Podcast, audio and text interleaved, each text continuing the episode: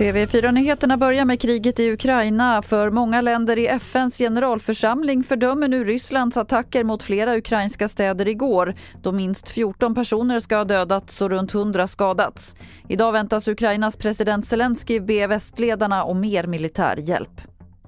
Sökandet fortsätter efter den 13-åriga flicka som är försvunnen från Värmland sedan slutet av förra veckan. Igår kväll sökte frivilliga i området kring Länsmansgården i Göteborg.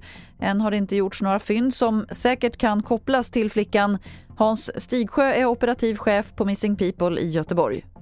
Vi har gjort lite fynd av småsaker, kläder, eh, någon sko och så vidare och det lämnar vi över till polisen så får de bedöma vad de ska göra åt det. Det ligger inte på oss.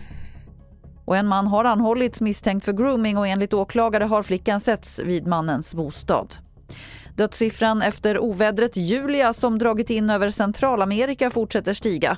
Julia som tidigare var uppe i orkanstyrka drog in över Nicaragua i söndags och i nuläget ska minst 19 människor ha dött i ovädret. De flesta från El Salvador där man också utlyst undantagstillstånd.